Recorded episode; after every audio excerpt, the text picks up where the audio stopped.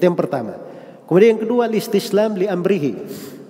Berserah diri kepada perintahnya. Perintah juga ada dua. Ada kauni qadari dan ada dini syar'i. Perintah Allah takdir ketentuan Allah. Iya. Innama qauluna li syai'in idza aradnahu an naqula lahu kun fayakun. Sungguhnya ucapan kami pada sesuatu kalau kami menghendakinya maka kami berkata terjadilah hari itu. Terjadi maka terjadi hal itu.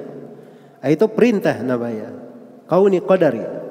Apa yang Allah tetapkan terjadi, Allah apa yang Allah perintahkan terjadi, maka itu akan terjadi. Iya. Kalau dini itu perintah yang terkait dengan syariat dari Allah Subhanahu wa taala. Syariat Ya.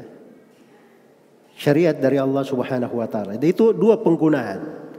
Contoh kauni misalnya di, di Al-Qur'an dikatakan ata amrullah fala tastajilu. Telah datang perintah Allah. Jangan kalian mensegerakannya. Nah, itu terkait dengan kauni qadari. Ya.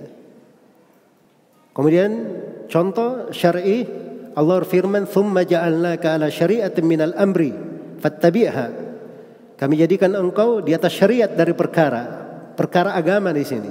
Apa yang disyariatkan dari tuntunan. Ikuti syariat itu. Ikuti syariat tersebut. Jelas ya? Jadi pada seluruh perintah Allah yang merupakan kauni qadari maupun dini syar'i kita berserah diri kepadanya. فلا وربك لا يؤمنون حتى يحكموك فيما شجر بينهم ثم لا يجد في أنفسهم حرجا مما قضيت qadait تسليما. Itu sifat mereka menerima perintah-perintah Allah itu dengan segala bentuk penerimaan. Dengan segala bentuk penerimaan, tidak ada penolakan. Dia berserah diri kepadanya. Sami'na wa ata'na. Kami mendengar dan kami taat di dalam hal tersebut